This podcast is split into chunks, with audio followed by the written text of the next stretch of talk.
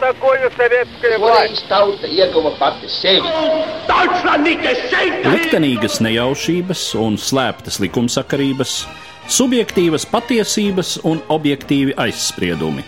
Pēc atkušņa nekad nenāk uzreiz pavasars, bet sākās Arī šodien cilvēki ir ļoti tūredzīgi. Viņi redz to naudu, kas ir. Televīzijā jau pamatā notiek cīņa par varu. Pagātne no šodienas skatu punkta un šodienas caur pagātnes prizmu. Raidījumā šīs dienas acīm. Latvijas radio eterā Eduards Liniņš. Labdien, cienījamie klausītāji! Mēs runājam par cilvēku, kura radošais darbs ir ļoti cieši saistīts ar visu, ko mēs domājam un jūtam Latvijas brīvības idejas un Latvijas brīvības būtības sakarā.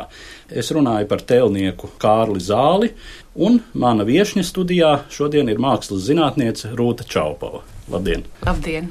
1918. gadā Kārlis Zāle nav Latvijā. Viņš ir Petrogradā un uh, darbojas tur jaunās padomju valdības, Ļeņina valdības monumentālās tēlniecības programmā, kas ir viens no pirmajiem šīs valdības propagandas pasākumiem. Ceļ pieminekļus, tā skaitā Garibaldi.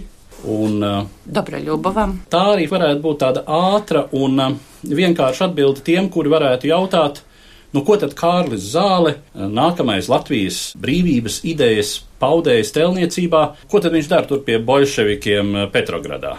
Nu, lūk, ceļ pieminekļus 19. gadsimta liberāli demokrātiskiem domātājiem. Jo bolševiku režīms savas pastāvēšanas pirmajos mēnešos un gados vēl nebūtu nebija tāds, kurš šķiroja tik strikti kā vēlāk visu savējā un svešā. No tā 20. gadsimta viedokļa nepavisam neradikālos domātājus arī ieskaitīja starp savējiem toreiz, un Kārlis Zāle varēja tur likt lietā un slīpēt savu talantu. Bet mūsu interese šodien primāri nav tik daudz par Kārļa Zāles biogrāfiskajām detaļām, cik par to, nu kāpēc tad būtiski Kārļa Zāles vārds mums saistās ar Latvijas neatkarību. Kā tas izskanēja jau mūsu sarunā pirms raidījuma, Kārļa Zāles mākslas patos ļoti lielā mērā arī saistās ar šo no nulles izjūtu, ar pirmreizīguma izjūtu. Jā, zināmā mērā tik tiešām varētu teikt, ka zāles veikums ietilpst, kad kaut kas Latvijā sākās no nulles. Un ja šī valstiskuma iegūšana sākās tiešām gandrīz no nulles, un šeit ir diplomātiem un politiķiem savs vārds sakāms, tad latviešu monumentālā tēlniecība un monumentālā tēlniecība kā tāds mākslas žanrs, kurš summē laikmeta un arī ideoloģijas un arī šo laikmeta gara augstāko punktus iezīmē tieši mākslā ar mākslas līdzekļiem. Un šeit jāsaka, ka tiešām Kārlis Zāles zināmā mērā sāka no nulles, jo pirms viņa Latvijā bija jau tēlnieki. Mēs zinām pirmās paudzes tēlniekus - Gustavu Šķilteru, Teodoru Zaikalnu un Burkārdu Zeni, bet viņi strādāja portreta žanrā, figurāls darbs veidoja Zaikalnam. Desmitā gadā bija granītā cirsts kapu piemineklis Gaujam un arī dārziņām 13. gadā. Un Emīlam Elderim viņš izveidoja ļoti arī tādu zīmīgu darbu pieminekli Valkā, Valkā kritušajiem karavīriem, senkarēvi tēlu, kur modernās tēlniecības forma ienāca Latvijas vidē 1922. gadā. Bet Kāras Zāle radīja šos divus absolūti izcilos pieminekļus, proti brāļu kapā ansambli un tad brīvības pieminekli. Un tā bija pilnīgi Latvijā jauna pieredze arī tēlniecībā, mākslā un arī cilvēku izjūtās attiecībā pret tiem notikumiem, kuri summējās šais darbos. Tas ir ļoti būtiski, ja mēs runājam par situāciju, kādā Latvijā sāk strādāt Kārlis Zāle, ka tēlniecība ir tādas valstiski pilnvērtīgas nācijas, teiksim, attribūts. Lai... Monumentālā tēlniecība, pieminekļi tieši. Jā, lielie pieminekļi, gluži loģiski, lai apdzīvotu publisko telpu, tev šī telpa ir jāpārvalda politiski, saimnieciski, Un mākslinieciski. Tad tas, protams, Jā, mākslas līmenī. Latviešiem šī iespēja pavērās tikai līdz ar savas valsts tapšanu. Kārļa zāles gadījumā tas ir ārkārtīgi veiksmīgas sakritības moments, ka tad, kad tu kā jauns mākslinieks tikko pabeidzis mācekļa periodu un mazliet iesitis roku, ierodies savā dzimtenē un sajūti sevī varēšanu, un tieši tajā brīdī arī šeit tas viss sāk tapt un veidoties. Jā, Kārļa Zāles biogrāfijā ir daudzas ļoti zīmīgas epizodes, kuras gandrīz visas tādā secīgumā summējoties ir devušas viņam šo apbruņojumu profesionālo un šo pasaules redzēšanu, kura viņam ļāva tiešām gan uzņemties šos pienākumus, gan arī veikt tos. Un, ja mēs runājam par tieši Pēterpils periodu, tas ir viņš šeit ieradās 1915. gada janvārī, un jāsaka tā, pārciet smagu slimību. Un faktiski viņu atmodināja, kā to raksta viņa laika biedra atmiņās, 1917. gada februāra revolūcija. Pēc tam viņš pilnīgi atmodās, viņš kļuva atkal aktīvs, tika ievēlēts dažādās komitejās, un tad pēc oktobra šiem notikumiem, tad jau Kārlis Zāle piedalījās šeit. Tā bija Lunačarska ideja, jā, tā bija zināmā mērā, nu, varētu teikt, labas gribas ideja veidot šos pieminekļus, un daudz tēlnieki tur piedalījās, un viņš guva milzīgu organizatorisku pieredzi, jo tā ir mākslinieka lielā izjūta par laikmetu, bet Zāle bija faktiski vienīgais starp latviešu tēlniekiem tajā laikā, kas varēja garantēt šo organizatorisko pusi. Brāļu kapā ansamblis 12 gadu laikā arī izcinājās, bet brīvības piemineklis tapa 4 gadu laikā. Zelda nav daudz izteicies par mākslu, bet ir viens skaists fragments, kur arī Baidlots apcīts ir ietvērts savā monogrāfijā 1930. gadā atpūtā, pirms stāšanās pie brīvības pieminekļa celšanas, un kad jau brāļu kapos sauc, kas jau ir uzstādīts, Kāra Zāles saka tā: Turu par mākslinieka laimi dzīvošanu līdzās tautas ciešanām, ilgām un ideāliem. Tādēļ jūtu bijību pret ausekļa, pumpura un raiņa dzēju, kuras brīnišķīgajā gaismā atvismo latviskā gara cildenākie tēli. Šajos tēlos ietvertās vērtības, kas augušas un lolotas tautas dvēselē.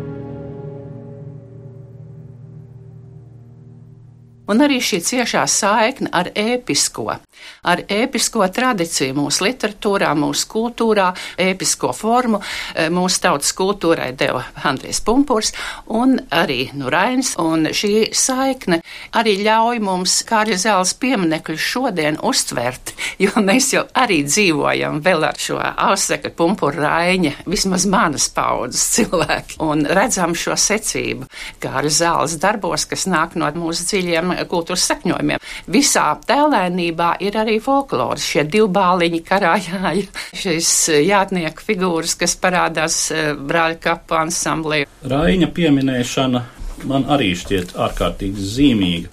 zāles sakarā, jo tāds vienīgais īstais analogs savā lielumā un nozīmībā Kārļa zāles skulptūrai varētu būt Raina.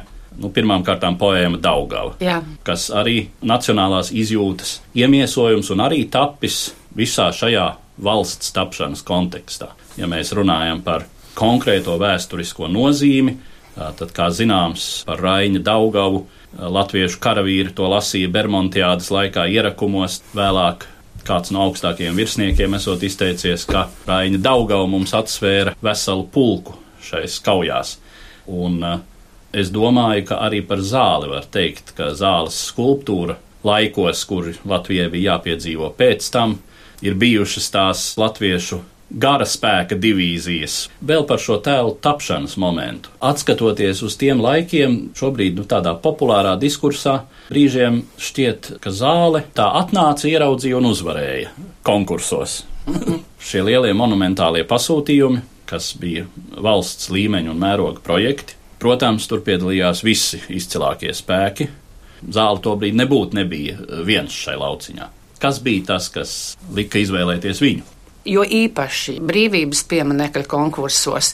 Tur jau Zaļkāns bija viņa vissīvākais konkurents un vistiešākais, ja, un brāļu kapu ansambļu tapšanā arī Zaļkāns piedalījās, bet jāsaka tā, ka tomēr brāļu kapu konkursā šī citu tēlnieku līdzdalība bija diezgan atturīga, un ar tie sniegumi nebija tik salīdzinoši izcili. Un zāle parādījās faktiski ar brīvības pieminekļu. Šie konkursi konkursi tur tika rīkoti gandrīz vienlaicīgi, un viņš tika pamanīts tur pirmajos brīvības pieminekļa ideju konkursos. Viņš faktiski sāka ar šo pieminiektu idejām nodarboties vēl uzturēdamies Berlīnē. Šī tiešām ir ļoti interesanta un svarīga epizode, kad gara zāle kā spošs meteorīts parādījās pie avangarda kultūras debesīm un ar saviem darbiem un ar savu konstruktīvo domāšanu pārsteidz šeit Eiropas māksliniekus, jo viņš atgriezās no Krievijas 21. gadā paskatījās, ka nekas te vēl nenotiek, mazu pasūtījumu dzelzceļa virsvaldes tajā ēkai, viņš izpildīja vēl ko. Pa skolotāju viņš negribēja darboties, viņš esot teicis, to varēs vēlāk, un viņš devās uz Berlīnu. Un tad, kad sākās šie konkursi, tad viņš atgriezās un piedalījās 1923. gadā brāļu kapu pieminekļa konkursā, un zāles metu žūrijas komisija atzina vienprātīgi par labāko. Protams, zāle bija zināmā mērā dzīves uzvarētājs savā tādā stājā un savā mērķtiecībā. Viņš jau uz Kazaņu dodamies, kur viņš mācījās mākslas skolā, teica, es uzvarēšu, bet te ir arī jāsaka vēl, konkurence pārāk liela nebija. Zaļkalnam bija arī interesanti priekšnikumi. Viņam arī bija ar jātniekiem, bet viņam bija citādāk. Viņš jātnieku tēls bija novietojis tur, kur svētās uguns altārs, un tur dziļāk kaplaukā bija paredzējis savus māmiņu tēls, varbūt iesaistīt. Bet tas bija diezgan fragmentāri risināts, bet zāles šie karā jājošo valeliņu tēli uzreiz pārliecināja un tiešām guva atsaucību. Un 1924. gadā jau tālāk risinājās šis darbs ar jau ļoti konkrēti izstrādātu maketu un varēja jau apstiprināt visu, lai sāktos celtniecība. Bet te ir jāmina vēl viens apstākļus. Pie brāļu kapa ansambļa zāle, protams, nebija viens. Pat cik šis ir tāds komplekss ansamblis, kur daba, tēlniecība, arhitektūra sadarbojās. Un arī jau iekopts kapu lauks. Tieši bija... tā, un te ir jānovērtē Andrejs Zeidaka devums. Viņš bija dārza arhitekts. Šī bija viņa tāda sirdslieta, brāļu kapu apbedījuma vieta, kas pamazām veidojās, un bija jau šis dalījums. Eja, pieeja, tad tāds pacēlums vidu un iedziļināts kapu lauks. Teritorijas proporcionālais sadalījums, tas jau bija ļoti proporcionāli izsvarots, un arī Andrijam Zeidakam bija tādas idejas par to, kā tur var koki piesaistīties ar šo reliģisko simboliku. Eja veidojās liepas, tās ir tautu meitas, it kā, kuras apstāv simboliski, un ozolu birs ir ap eh, svēto uguns altāru. Otrs bija Pēters Feders, kas bija tiešām ievērojams arhitekts, Pēterpils akadēmijas izglītību guvis Varšavā, darbojies kā pilsētas galvenais arhitekts zinām laiku. Viņam bija tiešām liela pieredze, un viņam arī zināmā mērā ir viens no nopelniem brāļkapa ansambļa uzbūvē. Zāle bija paredzējis mātes tēlu novietot tur, kur tagad ir svētās uguns altārs. Tā kā stāvēt uz tādu arkveitīgu paaugstinājumu mātes Latvijas tēls un arī šie heraldiskie četru novadu senkarēvi tur būtu novietoti. Un tas kaut kā sadalīja un palika nomaļā vietā viss tas apbēdim lauks. Un tad Pēters Feders bija tas, kas vienā no brāļu kapu komitejas sēdēm spriežot par šo maketu ar vienu rokas vēzienu nolika šo mātes tēlu pie noslēguma sienas. Zāle to uzreiz arī pieņēma. Zāle bija diezgan ekspansīvs cilvēks un temperamentīgs, bet tādā profesionālā plānā viņš tomēr ļoti prata sadarboties. Un vēlāk arhitekts Aleksandrs Birzinieks kā būvdarbu vadītājs iesaistījās. Un interesanti epizode pa materiālu izvēli. Mēs visi priecājāmies šūnakmens, un viņš tik brīnišķīga daba saskan no sirmais no allažiem. Tur zaļkalns bija ieteicis, tā ir zaļkalna dzimtene allažos. Bet par šūnakmeni vēl nezināja. Pēc tam zinātnieki pierādīja, ka tas tomēr ir arī pietiekami izturīgs un piemērots mūsu vidas apstākļiem, bet zāle iebilda. Un tad arī tomēr vēlāk viņi tā pārliecināja. Un tad ir pārsteidzoši tas, ka viņš tomēr spēja ļoti meistarīgi pārveidot. Granītā tomēr mazliet citādāk. Granīts ir blīvāks un cietāks, un tur ir forma mazliet citādāk. Viņš prata, piemēram, ievainotā, jeb mirstošā jātnieka tēlā tieši tā, kā tas ir piederīgi šūnakmenim kā materiālam. Es atgādināšu, ka mūsu šodienas saruna ir veltīta Latvijas brīvības idejas spilgtākajam izpaudējam vizuālajā mākslā, tēlniekam Kārlim Zālem, un ar mani kopā studijā mākslas zinātniece Rūta Čaupova. Domājot par tām izjūtām, kādas rodas eh, brāļu kapu ansamblī. Es domāju, tās ir savas gandrīz katram latvietim diez vai mēs atradīsim daudz tādu, kuri tur nekad nebūtu bijuši. Man šķita zīmīgi, jūs pieminējāt, Zaļkalns bija iecerējis tur sērojošās latviešu māmuļus. Un, ja es domāju par to, kāda ir zāles tēli, tad šis mūžīgās aizmigšanas moments tur ir, bet tajā pašā laikā visi šie tēli tomēr pauž nepārprotamu spēku un enerģiju. Tāds heroisks piesitiens. Jā, katrā ziņā mēs varam par kāļu zāles darbiem teikt, ka tie ir heroiskā monumentālisma izcili paraugi. Jānis Siliņš, mākslas zinātnieks, kurš ir sarakstījis pirmo monogrāfiju par zāli, viņš ir uzsvērs to, ka paudze nāca, ka vesela paudze mūsu kultūrā ienāca patriotiskā sajūsmā, mākslas un kultūras svabadības centienos, citēt Jāņa Siliņa teikto. Tā ir heroiska dzīves izjūta, ticība varonībai kā garīgam spēkam, kas sevi upurē, upurējot sevi piepilda, darot dzīvi lielu. Es domāju, šis ir otrais tāds atslēgas vārds, ka laimīgā kārtā mūsu valsts tapšana savienojās ar tādu cilvēku paudzes ienākšanu kultūrā, kuri ieguldīja savu talantu, savu spēku, savu enerģiju, lai padarītu dzīvi lielu, lai dotu šos lielos mērogus mūsu sapratnē par to, kas ir nāve, kas ir varonība, kas ir sevis ziedošana. Kārlim Zālēm bija šī spēja to saredzēt un parādīt ļoti pārliecinošos, turklāt nedemonstratīvos tēlos. Tas arī ļoti svarīgi, jo tādas analogas meklējot, mēs varam vācu monumentālo tēlniecību, Hugo Ledereru un Franz Metzneru tādas skulptūras, kādu patriotiskā monumentālismu paraugus. Bet šeit kārdīm zālem nav tā demonstratīvā, viņā ir iekšējais pārdzīvojums ļoti spēcīgs. Varonības apzināšanās iekšēji.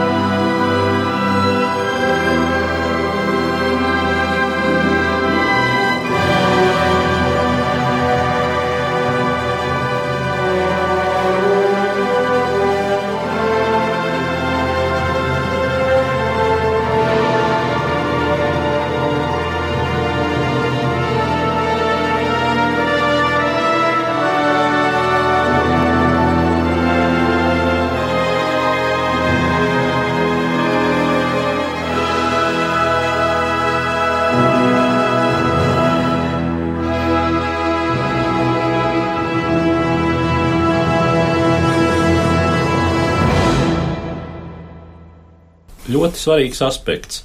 Un tā kontekstā, par ko tiešām arī gribētos runāt, nu kā tad mēs šodien raugāmies uz uh, šiem monumentiem un varbūt dažam ir jautājums, nu kāpēc šodien mēs neceļam kaut ko tikpat lielu, kā cēla zāle toreiz. Katram laikam ir savs patos, un tā laika patos, tāds kādu to iemiesoja zāle, ir absolūti patiess, arī personiski izjusts.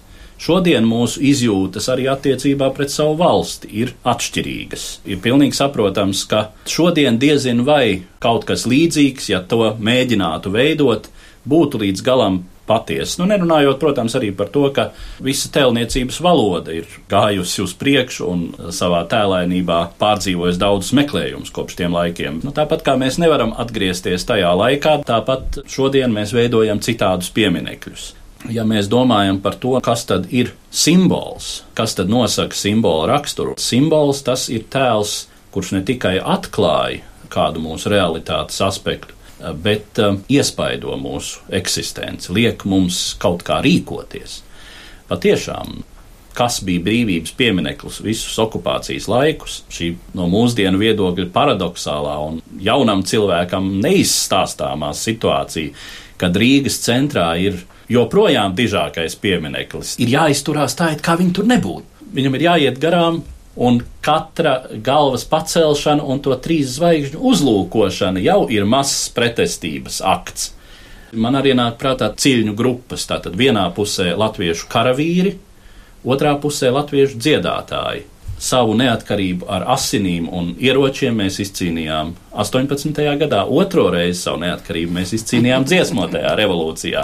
Var teikt, ka zāle savā ziņā ir paredzējis mūsu vēstures gaitu. Jā, tāda ir tā simbola jēga, kad tie tiešām dažreiz daudz ko paredz uz priekšu. Un, protams, visā brīvības pieminekļa idejā ir šī zināšanu, ģimenes, kultūras milzīga lielā loma. Es domāju, brīvības piemineklis, ja mēs viņu nolasām tā kā katedrālēs lasa šo simbolus un tēls, tur ir visa programma, kurai vajadzētu būt. Jūs teicāt tā, ka mūsu attieksmes valsts ir citāda.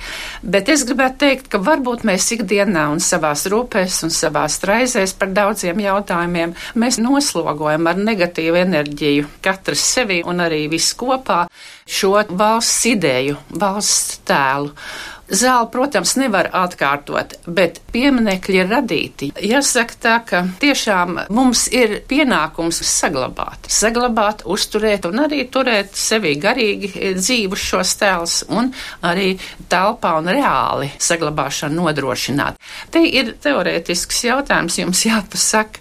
Vispār patētiska pieminekļa celtniecība kultūras kopainā un tēlniecības kopainā, tā ir stipri marģināla. Tā ir jau vispār marginalizēta parādība. Un ir jau apcerēts, ka tur ir daudz atkārtojumu. Un ir arī jau 1932. gadā viens angļu teorētiķis ir sacījis tā, ka pēc pasūtījuma tapuši darbi. Tie var būt telnieciskā vērtība, bet tie var būt arī bez šīs telnieciskās vērtības. Un viņi diezgan bieži arī ir bez īpašas telnieciskas vērtības.